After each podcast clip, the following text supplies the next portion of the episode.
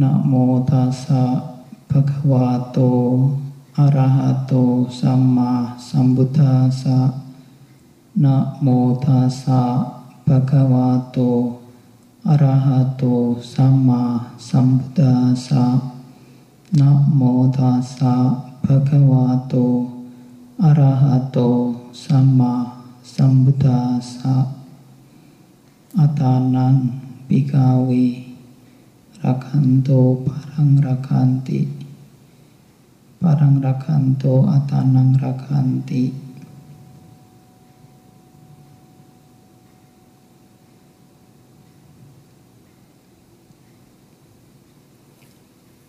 Bapak Ibu, Saudara, Saudari Sedama Selamat sore. Terpujilah Sang Buddha Namo Buddhaya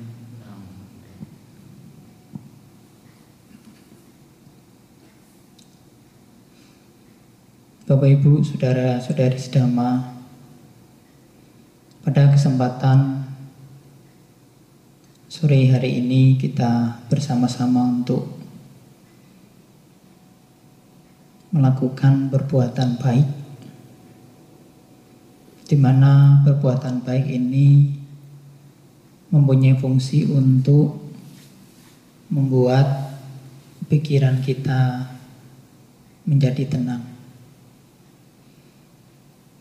Mengapa saya katakan demikian? Karena perbuatan-perbuatan baik yang kita lakukan saat kita lakukan bahkan perbuatan tersebut ketika sudah lewat itu pun ketika kita ingat perbuatan-perbuatan baik itu membuat kita tenang, membuat kita bahagia. Nah, oleh karena itu di kondisi yang kurang baik ini ya kita dilanda oleh penyakit wabah virus corona di mana biasanya membuat kita ketakutan. Nah, virus ini memang membahayakan bagi tubuh kita, membahayakan bagi kehidupan kita. Oleh karena itu, dari pemerintah maupun organisasi juga menganjurkan supaya kita tetap waspada. Nah, jika kita tidak waspada, biasanya kita lengah, maka kita akan mudah mendapatkan musibah. Musibahnya apa? Musibahnya ya terjangkit virus itu. Nah oleh karena itu sebagai orang ya, hendaknya mudah dinasihati. Nah, oleh karena oleh karena itu Sang Buddha mengatakan mudah dinasihati ya berkah. Kalau kita dalam kondisi seperti ini mudah dinasihati, maka kita akan mendapatkan berkah. Salah satu berkah adalah kesehatan itu sendiri. Karena kita mudah dinasihati. Bapak Ibu dan Saudara, virus ini berbahaya bagi jasmani kita bahkan mampu menyebabkan seseorang mengalami kematian. Ya, karena badannya rusak, ya, dimakan virus sehingga seseorang tidak memungkinkan untuk bertahan hidup. Tetapi ada virus lain dan ini juga sama berbahayanya. Yaitu virus batin. Ya, jika virus yang melanda di akhir-akhir ini membahayakan jasmani kita sehingga bisa menyebabkan kematian, virus batin ini juga bisa menyebabkan kita mengalami kematian. Apa virus batin itu? Kebencian.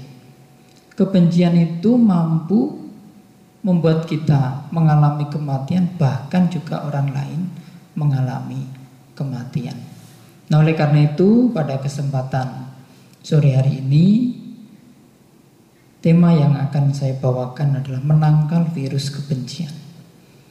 Selain menangkal virus corona, kita juga perlu untuk menangkal virus kebencian. Nah, virus kebencian ini juga memungkinkan muncul setiap saat. Saat apa? Mungkin saja kita melihat orang-orang yang bandel untuk diberitahu bahwa kita dianjurkan untuk tinggal di rumah, dianjurkan untuk berjaga-jaga, mungkin dianjurkan untuk ketika keluar membawa masker dan sebagainya, maka kita cenderung kadang-kadang muncul perasaan tidak suka. Perasaan tidak suka ini bibitnya adalah kebencian.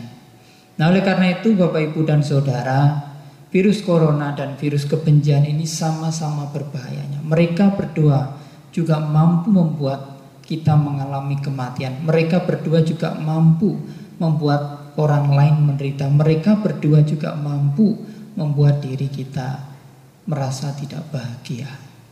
Nah, oleh karena itu, dua hal ini hendaknya kita harus tetap waspada. Memang di akhir-akhir di akhir-akhir ini kita dianjurkan untuk waspada supaya kita tidak terjangkit oleh virus corona. Tetapi kita juga harus waspada supaya kita tidak terjangkit oleh virus kebencian. Nah, kebencian ini bisa muncul karena biasanya perasaan-perasaan yang tidak menyenangkan ketika menyerang kita. Nah, perasaan-perasaan tidak menyenangkan ini biasanya mengganggu. Dan ketika mengganggu juga mampu mempengaruhi batin kita sehingga apa? Kebencian itu muncul. Ya, jadi kebencian ini tidak kalah hebatnya, tidak kalah dengan yang namanya virus corona yang di mana pada akhir-akhir ini telah menjangkit ya sebagian umat manusia. Nah oleh karena itu Bapak Ibu dan Saudara apa penyebab kebencian ini muncul? Kebencian muncul ini karena batin kita bodoh. Kalau kita tahu bahwa kebencian itu hal yang tidak baik, maka kita tidak akan mengembangkan yang namanya kebencian. Karena batin kita bodoh, ya antara lain ya kegelapan batin, maka kita tetap mengembangkan yang namanya kebencian itu. Padahal kebencian itu merugikan kita dan juga merugikan orang lain. Terutama kebencian itu merugikan diri sendiri. Ya karena kebencian ini kalau masih bisa dipendam, biasanya dia akan merugikan diri sendiri. Tetapi nanti begitu sudah meluap keluar, dia bentuknya berupa kekejaman. Ya, kekejaman dalam berucap, kekejaman dalam bertindak, bahkan bisa berujung pada kematian. Atau perbuatan yang tidak bagus yang merugikan orang lain. Memang kalau dilihat secara sepintas, kebencian ini merugikan orang lain. Tetapi sebelum kebencian ini merugikan orang lain, kebencian ini sebelum membuat orang lain terluka, sebenarnya kebencian ini sudah merugikan diri kita sendiri. Kebencian ini seperti ketika kita hendak melempar seseorang dengan kotoran. Ketika kita melempar seseorang dengan kotoran, Itulah kotoran manusia. Yang pertama kali terkotori adalah diri kita sebelum kotoran tersebut mengenai manusia yang akan kita lempar. Artinya apa? Sebelum kebencian itu membakar orang lain, sebenarnya kebencian itu sudah membakar diri kita sendiri. Ya, jadi kalau orang tidak terampil mengembangkan kebencian, dia tidak akan mampu mengeluarkan kebencian itu sehingga mencari sasaran di luar pada dirinya.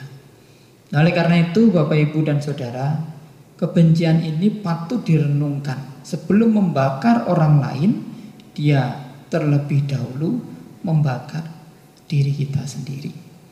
Nah, jadi Sang Buddha juga mengatakan kebencian ini tidak akan pernah berakhir apabila seseorang punya pemikiran, oh dia mengalahkan saya.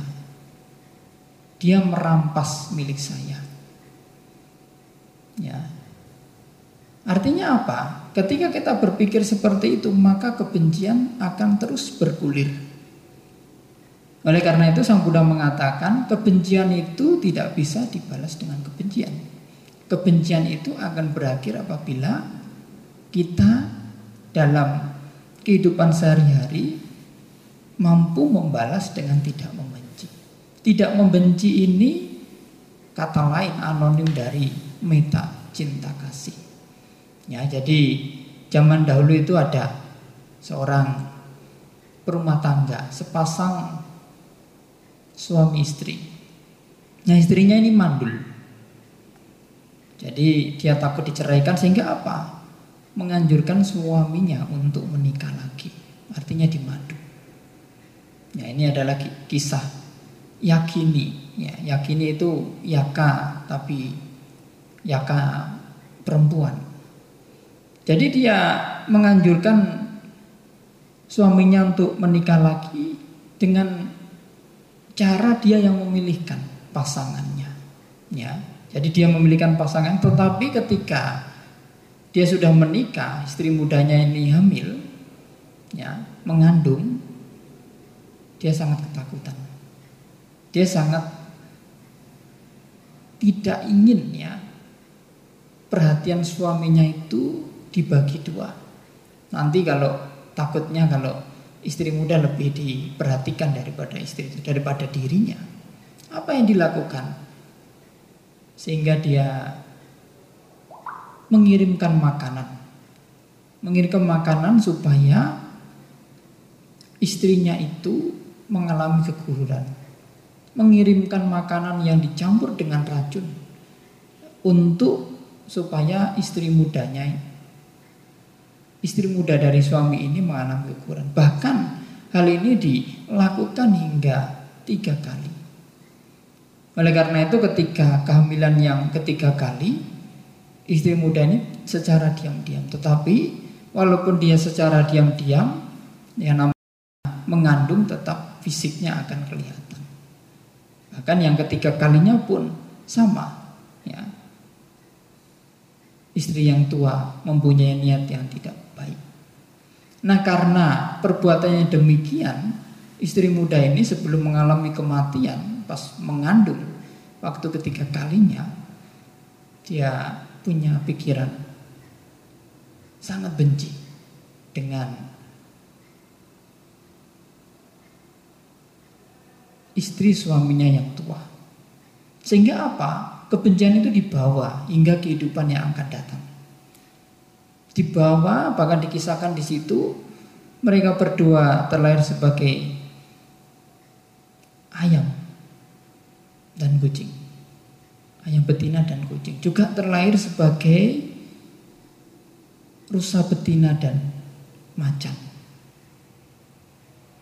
Dan juga sampai terlahir sebagai seorang ibu rumah tangga dan seorang yaka. Atau seorang yakini karena itu adalah perempuan. Nah, jadi di akhir dari kisah itu perempuan yang terlahir sebagai ibu rumah tangga ini dikejar-kejar oleh Yakini. Tetapi apa yang terjadi? Zaman itu adalah zaman Buddha Gautama. Ketika Sang Buddha memberikan khotbah, ya banyak orang berkumpul sehingga perempuan ini menggendong anaknya lari ke perkumpulan itu. Tetapi yakin ini tidak bisa lewat karena ditahan oleh dewa penjaga pintu. Pintu dari tempat di mana Sang Buddha dan para siswanya berkumpul. Nah setelah dipersilahkan baru yakin ini bisa masuk. Dan kemudian diceritakan bahwa kebencian yang kamu kembangkan ya kamu artinya yang kalian berdua kembangkan ini sudah lama sekali bahkan sebelum saat ini ya di mana dulunya adalah sebagai keluarga antara istri muda dan istri tua, juga pernah hidup sebagai uh, berlanjut ya kebencian itu berlanjut uh, pernah hidup sebagai ayam betina dan juga uh, kucing juga berlanjut lagi sebagai rusa betina dan macan. Nah di situ adalah tanda bagaimana ketika kebencian ini kita kembangkan kebencian ini terus membara nah di situ sang Buddha menasihati bagaimana untuk menghentikan kebencian ini dengan tidak membenci. Ya memang bukan hal yang mudah. Ya, ketika kita disakiti, ya, seperti yang saya katakan tadi, kalau kita masih berpikir disakiti, dipukul, dikalahkan, dirampas miliknya, kita akan terus tersakiti, kita akan terus benci terhadap orang yang melakukan demikian. Tetapi kalau kita berpikir sebaliknya atau tidak punya pemikiran seperti itu, maka kebencian itu akan berakhir. Nah, Bapak Ibu dan Saudara, yang perlu dicatat, tidak membenci ini adalah kata lain dari cinta kasih. Anonim dari cinta kasih. Cinta kasih punya pengertian punya kandungan-kandungan baik, kandungan pikiran-pikiran positif di dalamnya, di mana bebas dari kebencian. Nah cinta kasih yang sesungguhnya seperti yang saya kutip di awal tadi, di dalam Sedaka Sutta, Sang Yuta Nikaya. Itu adalah bentuk dari cinta kasih secara nyata. Jadi untuk menghindari kebencian, patutnya kita menjaga diri sendiri.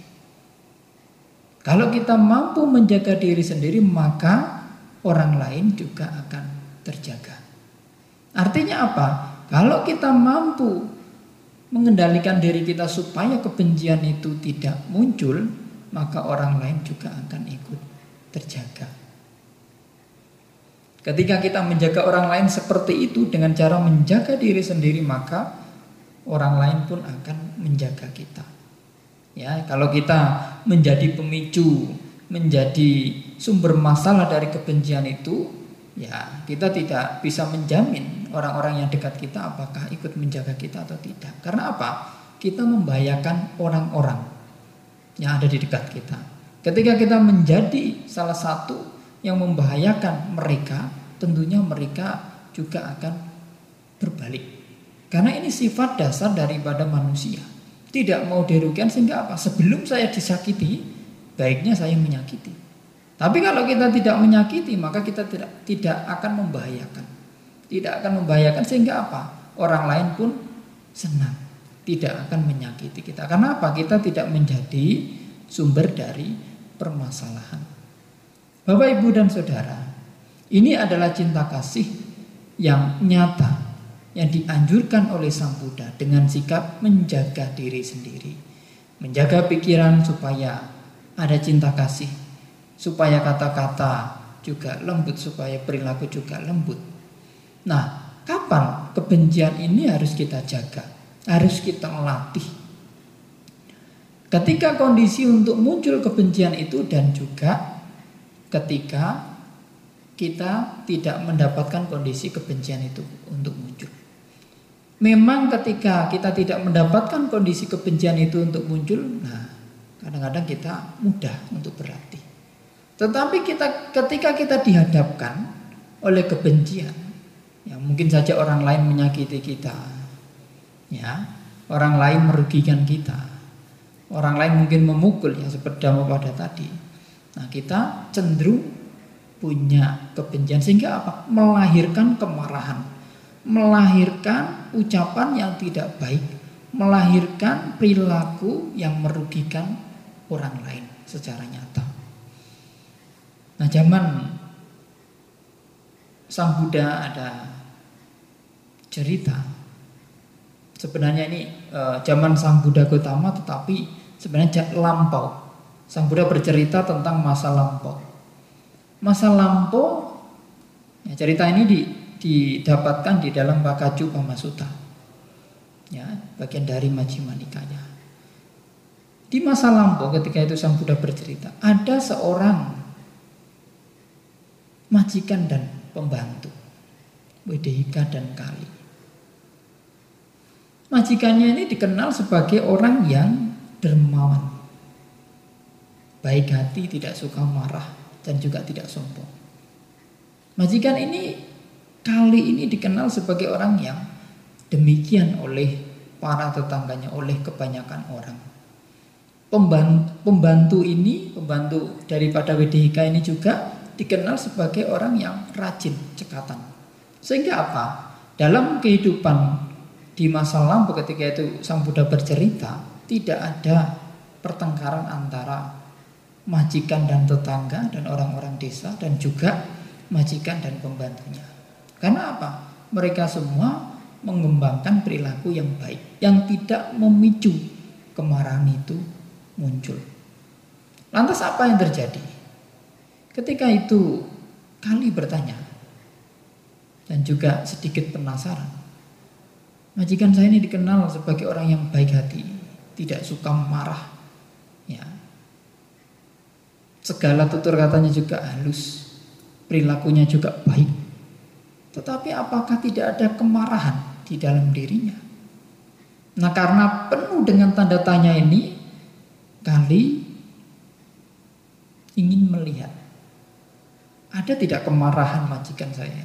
Jadi kali ini ingin bahasa umumnya ingin mengetes Apakah benar sifatnya seperti itu ketika kondisi tidak baik ataukah ketika kondisi tidak baik bahkan yang terjadi sebaliknya. Sehingga apa? Selama ini kali dikenal sebagai orang yang rajin cekatan, ya, sebagai pembantu yang rajin dan cekatan, kali suatu saat bangun terlambat.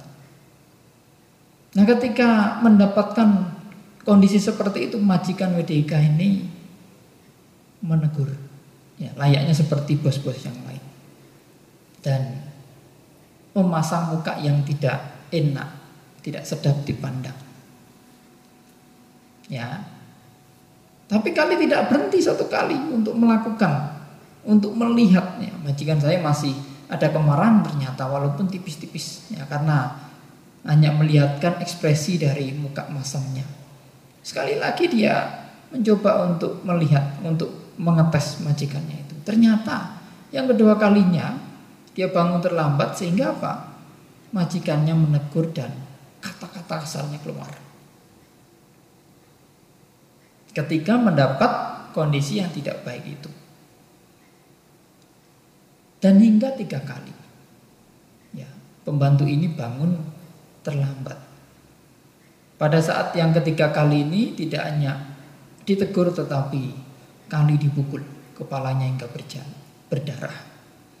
Pada saat itu kali melihat bahwa majikan saya yang dulunya dikenal sebagai orang yang baik hati, dikenal sebagai orang yang lembut, yang tidak suka marah ternyata masih menyimpan kemarahan. Kemarahan itu ternyata masih ada. Dan sejak saat itu majikannya dikenal sebagai orang yang pemarah. Ya padahal kalau kita lihat ya berlatih itu sudah lama sekali ya dikenal sebagai orang yang baik tetapi ketika kemarahan itu muncul begitu meledak ternyata itu yang biasanya dikenal oleh banyak orang. Ya memang ini kondisi sosial yang umum ya. Ketika seseorang itu berlatih punya tutur kata baik selama 10 tahun, sekali saja dia mungkin saja terlena, tidak punya perilaku yang baik, nah itu kadang-kadang yang diingat oleh seseorang itu. Oleh karena itu, Bapak, Ibu, dan Saudara, mengapa kita penting untuk mengendalikan kebencian ini? Untuk berupaya supaya pikiran kita tidak punya kebencian. Di saat kondisi tidak menyenangkan itu menghampiri kita. Karena Biasanya pikiran benci ini muncul ketika kondisi tidak menyenangkan itu menerpa kita. Semua latihan itu diperlukan ketika kondisi yang tidak menyenangkan itu menghampiri kita, nah itu kita bisa berlatih. Juga termasuk berlatih cinta kasih. Ya, cinta kasih ini bisa dimunculkan ketika kondisi tidak menyenangkan. Artinya apa? Kita masih bisa berpengendalian. Walaupun kita dirugikan, kita dikalahkan, dipukul dan sebagainya, kita masih bisa punya pengendalian. Artinya apa? Supaya latihan kita tidak sia-sia. Bapak, Ibu, dan Saudara, Sang Buddha pernah mengatakan bahwa seseorang yang mempertontonkan di sini memang dikatakan kemarahan, tetapi kebencian itu kan melahirkan kemarahan. Orang tersebut jauh dari praktik. Ya, jadi kalau kita marah yang dilandasi dengan kebencian, dengan rasa tidak suka itu sebenarnya kita sedang mempertontonkan. Kenapa mempertontonkan? Karena kebanyakan orang-orang yang sekitar kita mesti melihat. Nah, ketika kita mempertontonkan kemarahan, perilaku yang tidak baik itu, maka kita tidak ada pada praktek. Kita tidak sedang melakukan praktek. Bahkan dikatakan lebih jauh kita mengalami keruntuhan. Karena apa? Tidak ada kesabaran, tidak ada pengendalian diri. Selain itu, Sang Buddha juga mengatakan dalam Cula Kama Wibangga Sutta Kebencian yang melahirkan kemarahan. Dan kemarahan ini Karena rasa tidak suka Rasa tidak nyaman. Sehingga jika perilaku demikian Menghasilkan kama Yang akan datang Cenderung mengakibatkan seseorang terlahir di alam neraka Terus bagaimana Panti jika seorang tersebut yang menjadi korban kemarahan, artinya pelaku kemarahan itu terakhir sebagai manusia, dia mempunyai rupa yang tidak bagus. Artinya apa? Tidak sedap untuk dipandang. Nah Bapak Ibu dan Saudara, setelah merenungkan bahwa kebencian itu sangat merugikan kita. Kebencian itu sangat merugikan orang lain. Bahkan membuat kita menderita, membuat orang lain juga menderita, membuat orang-orang yang ada di sekitar kita terganggu. Oleh karena itu, kita bisa mengendalikan. Caranya bagaimana? Dengan tidak membenci. Ini adalah anonim dari cinta kasih. Yang memang tidak semerta-merta mudah untuk mempraktikkan ini. Tetapi bukan berarti tidak bisa. Ketika kondisi tidak baik itu mengambil kita, kita tetap memiliki yang namanya kesabaran dan cinta kasih. Semua yang hal-hal yang buruk yang ada pada diri kita itu masih memungkinkan untuk kita praktikkan. Karena apa? Masih dalam jangkauan, masih dalam kapasitas dalam kehidupan kita yang harus kita selesaikan. Nah oleh karena itu kebencian itu muncul dari diri sendiri. Siapa yang bisa mengatasinya? Tentunya diri sendiri. Para guru, teman-teman yang baik, orang-orang bijaksana hanya sebatas mengingatkan dan memotivasi. Bahkan Sang Buddha sendiri ya juga hanya sebatas guru ya, yang mana mengajarkan bagaimana supaya kita tidak membenci. Ini loh yang harus kita praktekkan, ini yang harus kita tinggalkan, ini yang harus kita tekuni, ini yang harus kita uh, untuk tidak kita tekuni supaya apa? Kebencian itu bisa redam. Nah, Bapak Ibu dan Saudara, memang tidak mudah ya untuk berlatih tetap punya cinta kasih, punya kesabaran itu ketika kebencian itu menghampiri kita. Ketika kondisi kebencian itu menghampiri kita. Tetapi dalam hidup ini sebenarnya kita ini bukan tidak bisa. Ya, kadang-kadang kita terbentur oleh sikap pesimis. Di mana wah ini sangat susah.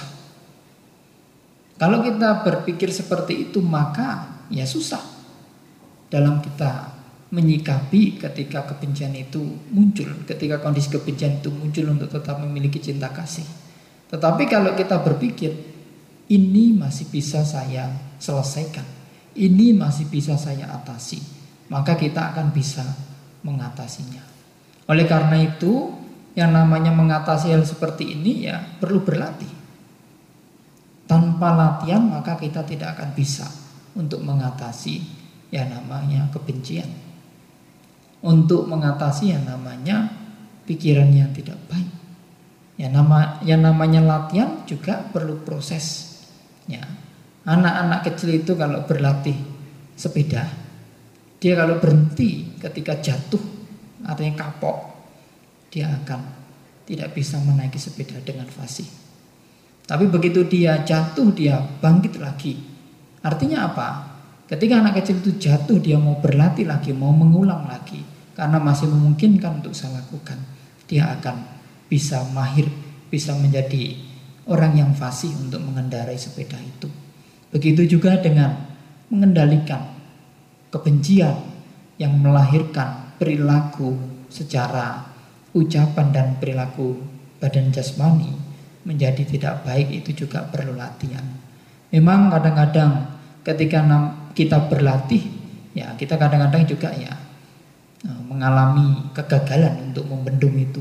Tetapi kita harus berpikir saya masih punya waktu banyak bahkan tidak cuma satu dua tiga kali banyak sekali waktu yang saya miliki untuk melatih Ya, jadi jadikan pelajaran ketika kita gagal untuk punya sikap cinta kasih ketika kebencian itu menerpa, maka kita bisa berlatih, mengulang dan mengulang lagi. Dengan mengulang maka kita akan menjadi fasih, kita akan menjadi biasa. Dengan merenungkan ya, yang namanya kebencian itu merugikan kita. Kita akan dijauhi oleh teman-teman, kita akan dicap orang yang tidak baik kita akan dicap orang yang menjadi orang yang gusar, gampang marah, gampang memiliki kebencian. Nah, oleh karena itu, Sang Buddha dan Subha pernah bercakap. Nah, Subha ini adalah putra Tudia, di mana percakapan ini terdapat di Subha Sutta, bagian dari tiga nikaya. Ketika itu Subha memanggil Sang Buddha sebutan Banti. Banti, sebagian orang setelah mengalami kematian, setelah tubuhnya hancur dalam kehidupan ini, terjun ke alam menderita. Tetapi sebagian orang setelah mengalami kematian, setelah tubuhnya hancur, dalam kehidupan ini, dalam kehidupan sebagai manusia ini, pergi ke alam bahagia alam dewa. Apa penyebab dari dua hal ini? Sehingga seseorang setelah mengalami kematian terjun ke alam menderita. Sehingga seseorang setelah mengalami kematian pergi ke alam bahagia. Nah penyebabnya tidak lain dan tidak bukan adalah ketika seseorang itu terambil untuk berlatih dhamma Ketika seseorang itu terampil untuk berperilaku baik, di situ ketika seseorang mengalami kematian, setelah tubuhnya hancur di kehidupan ini akan terlahir di alam bahagia. Dan juga sebaliknya, orang-orang yang tidak terampil untuk mengembangkan dhamma, untuk berlatih dhamma, itu setelah mengalami kematian, dia akan terjun ke alam menderita. Dengan ini maka menjadi jelas bahwa berlatih untuk menangkal kebencian, virus kebencian sangat penting. Supaya apa? Paling tidak kita bisa mengikis kekotoran batin kita. Sehingga apa? Sehingga kita bisa menjadi orang yang bahagia. Bahagia di kehidupan sekarang maupun kehidupan yang akan datang. Karena dengan mengendalikan ya dengan tidak punya ya kebencian artinya apa kita berlatih supaya kebencian itu bisa diredam bisa kita kendalikan di situ kita praktik dhamma nah dalam hal ini tentunya tidak mudah tetapi sekali lagi saya ingatkan bukan berarti tidak bisa kita praktikkan ya jadi menangkal virus kebencian ini juga tidak kalah pentingnya sama dengan menangkal virus COVID-nya, corona, coronavirus yang menjangkiti ya, sebagian besar umat manusia. Oleh karena itu, selain kita waspada, ya, yang di mana pada akhir-akhir ini kita dilanda oleh bencana yang seperti itu, nah kita juga perlu waspada Kebencian juga sebenarnya sudah mengintai kita. Kapan pun ada pemicunya maka virus tersebut akan membuat kita tidak bahagia. Virus tersebut akan mengotori, akan membuat batin kita tersakiti. Nah, oleh karena itu, Bapak Ibu dan Saudara, untuk menjaga ya supaya kita tetap memiliki pikiran cinta kasih saat kondisi-kondisi tidak menyenangkan itu menghampiri kita ini sangat diperlukan dalam kehidupan sehari-hari. Demikian yang dapat saya sampaikan. Semoga kita semua selalu bahagia, kita semua selalu sehat, kita semua semakin maju dalam dhamma. Semoga semua makhluk berbahagia.